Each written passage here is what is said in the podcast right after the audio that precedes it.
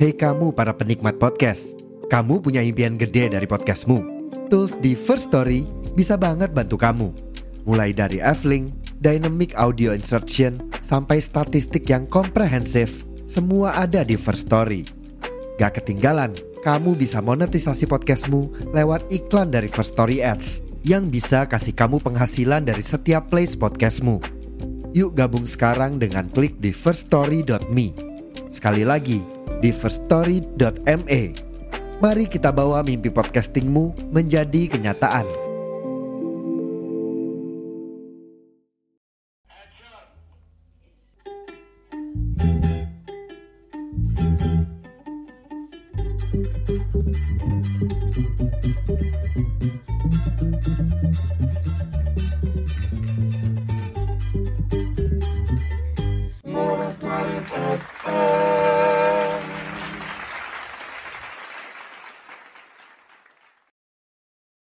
Balik lagi di podcast Morat Marit FM.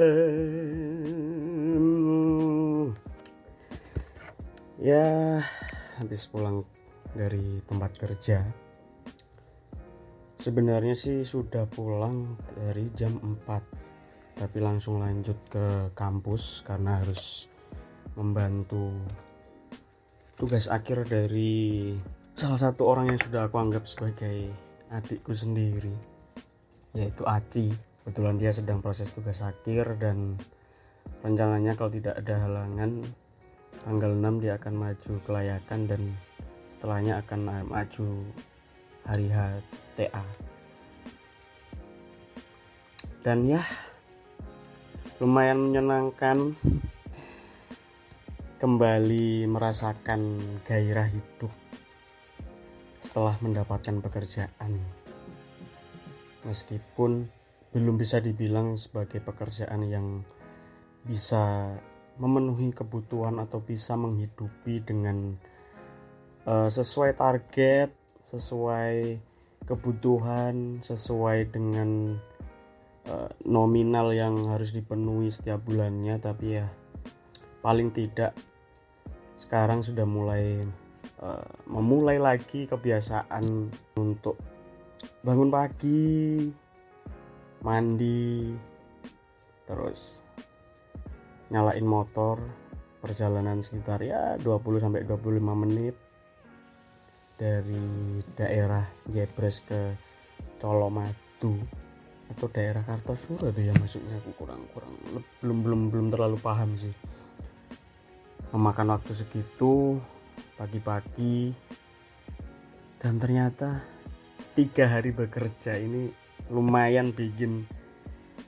Nggak tahu ya aku merasa kayak excitementku untuk hidup. Gairahku untuk uh, memulai lagi perjuanganku ini mulai tumbuh gitu loh. Gimana ya? Kemarin-kemarin tuh pas masih nyari kerja mengandalkan uh, info dari internet terus dengan kondisi keuangan yang ninu-ninu setiap harinya. Kayak gimana ya kayak hidup tuh anjing kenapa gini banget ya? Apalagi setelah lulus tuh. Ya Allah.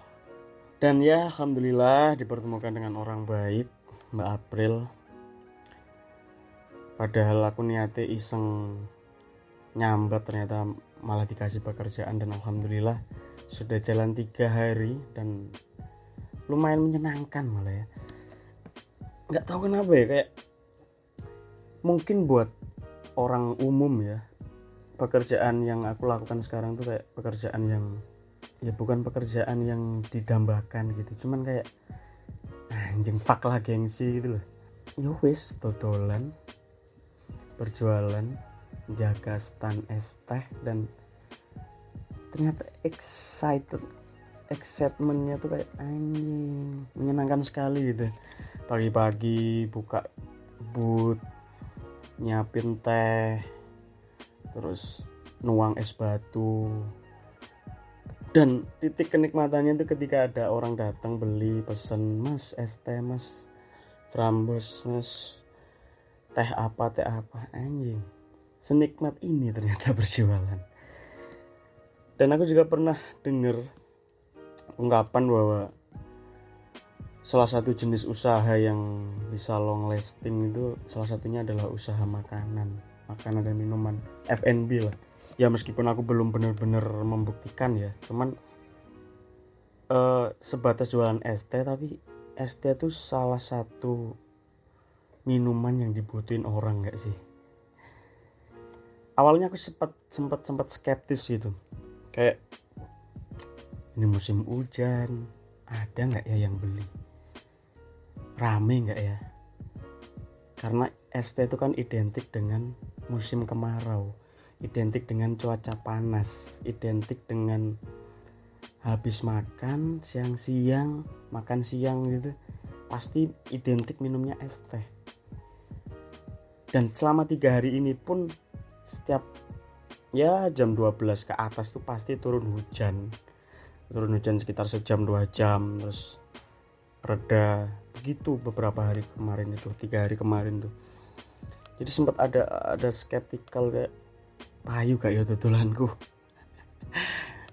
payu gak yo untuk sentuhku gak yo dan ternyata ada. Bahkan hari ini tuh aku hampir menjual. Nggak tahu udah menyentuh angka 50 atau lebih atau kurang yang jelas terjual lumayan hari ini tuh lumayan rame karena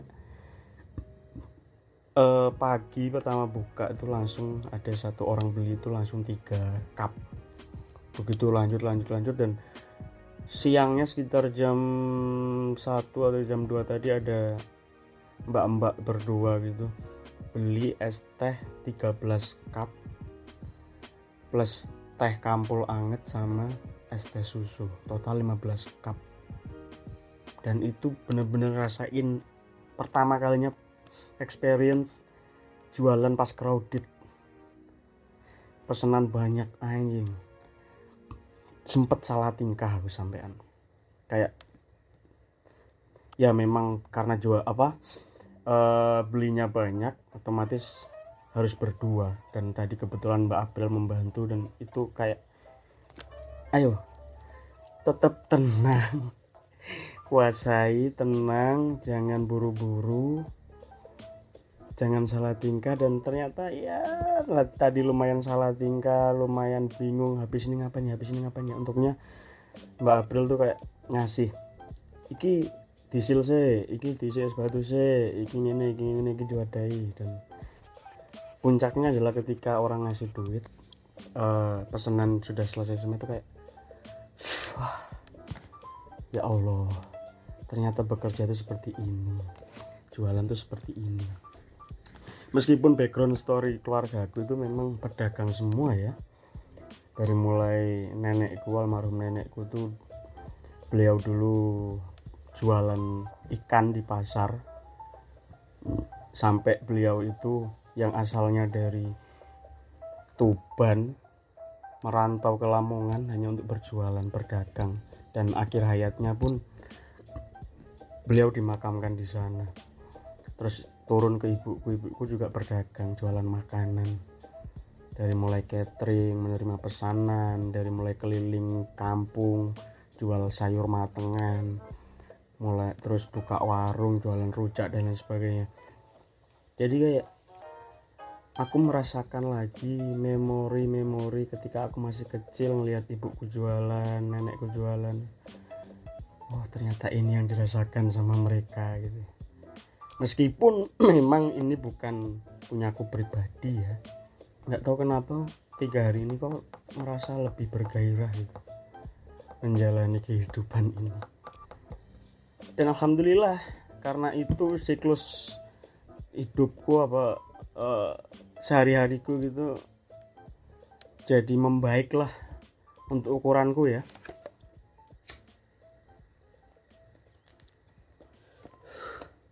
untuk ukuranku yang punya pola hidup yang beberapa waktu lalu itu sangat-sangat sangat tidak sehat sekarang mulai berangsur membaik. At least tidak lagi begadang sampai pagi jam 9, 10, 11 baru tidur. Sekarang jam 12 jam 1 tuh udah merasa ngantuk. Tidur dan bisa bangun jam 6 jam 7 tuh pencapaian yang luar biasa untuk aku yang punya pola hidup sangat-sangat brong sebelumnya ya. Ngeri.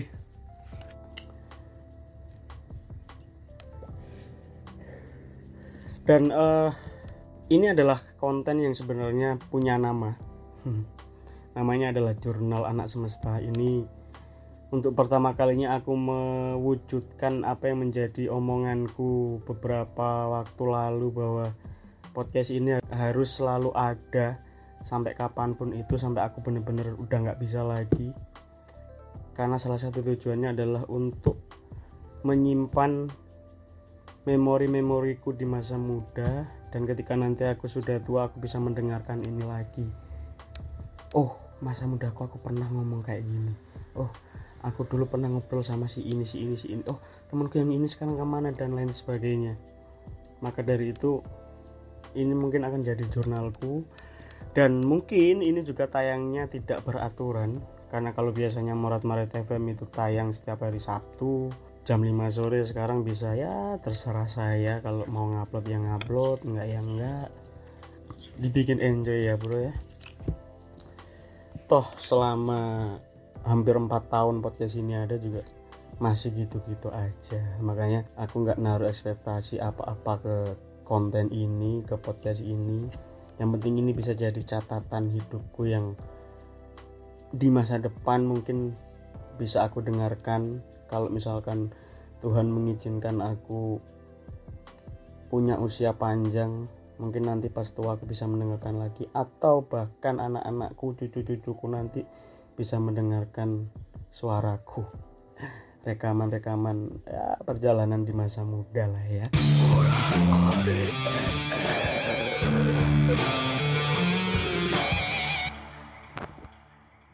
Anyway karena ini uh, sesuatu yang random ya.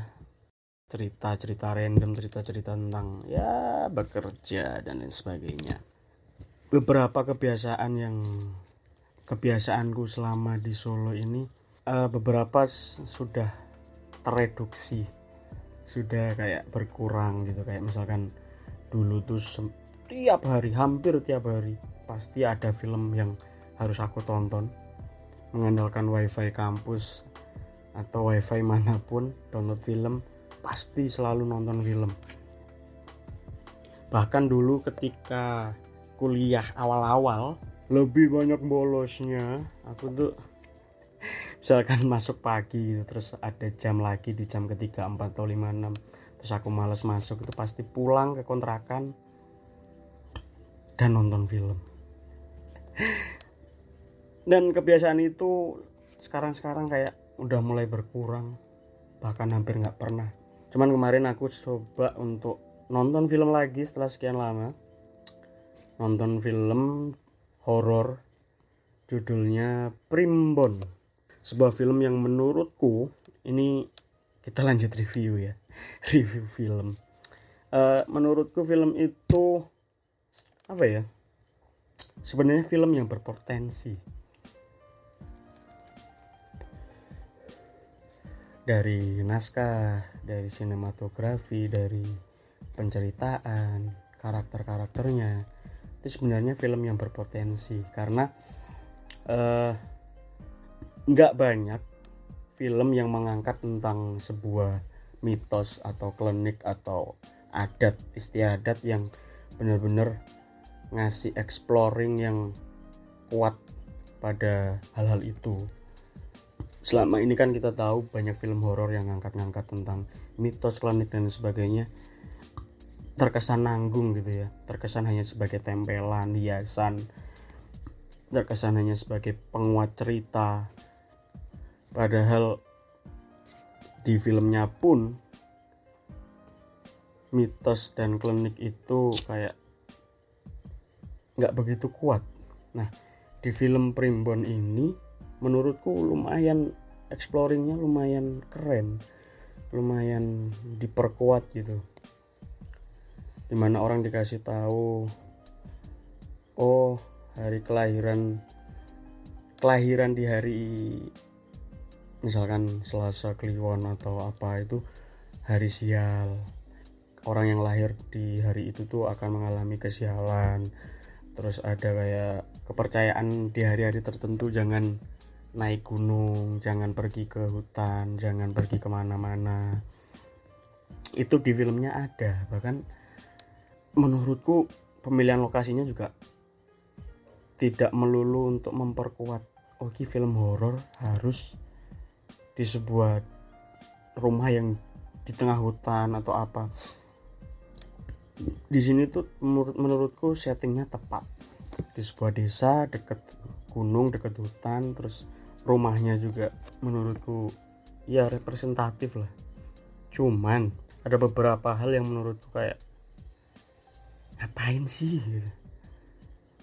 jadi di di film itu ya ini spoiler peringatan spoiler ya jadi di film itu ada adegan salah satu tokohnya sebut saja ibu sepuh. Eh iya ya ibu sepuh kalau kalau nggak salah di film itu disebutnya. Itu dia nembang. Nembang kidung rumekso nah sepengalaman gue kidung rumekso itu memang lumayan tembang yang lumayan kuat karakternya dan memang e, kalau nggak salah ya tolong dikoreksi kalau memang salah kidung ini memang isinya adalah tentang ya sesuatu yang creepy sesuatu yang mistis gitu.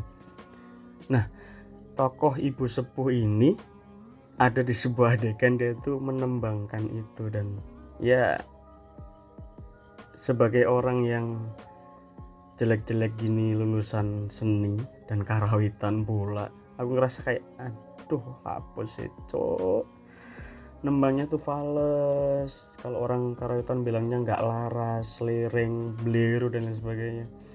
Cuman dipaksakan gitu kayak aku sih nangkepnya kayak ini bertujuan untuk memperkuat karakter ibu sepuh bahwa dia adalah tokoh yang paling paham tentang primbon karena di situ dia adalah anak tertua atau yang dituakan. Jadi kayak dia tuh ngerasa bukan ngerasa kayak diperkuat karakternya bahwa sing paling paham iki DE cuman ya gitu. Gagal upayanya. Upaya sutradara untuk membuat ah ini harus nembang supaya lebih kuat unsur bahwa dia paling paham itu terjadi dan berhasil. Tapi ya ya mungkin buat buat buat sebagian orang atau kebanyakan orang orang awam lah. Hal ini works. Anjir dia paling paham primbon bisa nembang Jawa lagi. Works gitu. Cuman buat orang yang tahu apalagi orang Jawa pasti kebanyakan tahu lah ya. Kayak ini nembang apa toh? Tapi ya anyway meskipun vlog tapi nggak nggak nggak merusak jalannya cerita film lah. Terus yang paling uh, bikin kecewa adalah endingnya. Karena basicnya adalah film keluarga jadi kayak uh, dibuat seolah-olah uh, ini berkutat dalam sebuah keluarga dan dramanya harus kuat gitu. Akhir akhirnya di endingnya tuh kayak ya gini doang ternyata. Ternyata adalah upaya untuk nyari jenazahnya di gunung dan yang pulang selama aduh spoiler maaf ya. Jadi yang pulang ke rumah itu bukan si anak yang hilang itu melainkan makhluk gaib.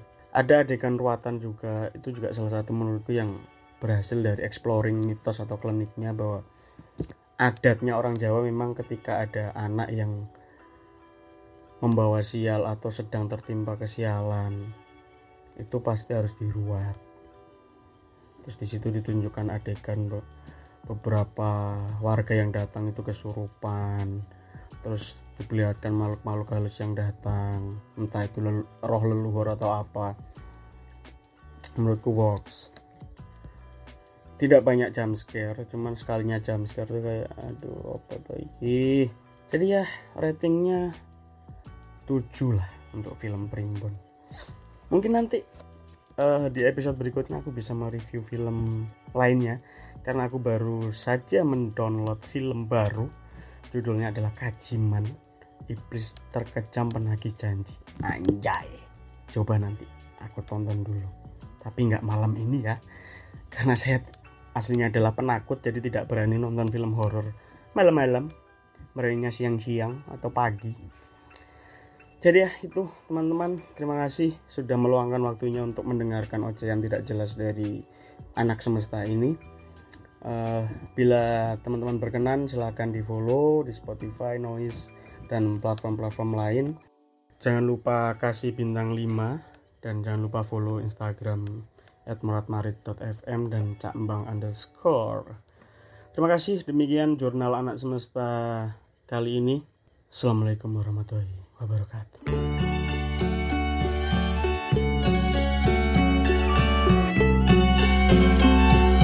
Terima kasih telah mendengarkan podcast Morat Marit FM. Jika suka, follow Instagram kami di @moratmarit.fm. Dan jika tidak suka, yang kedurus lewat kali, aku gak ngurus. Terima kasih.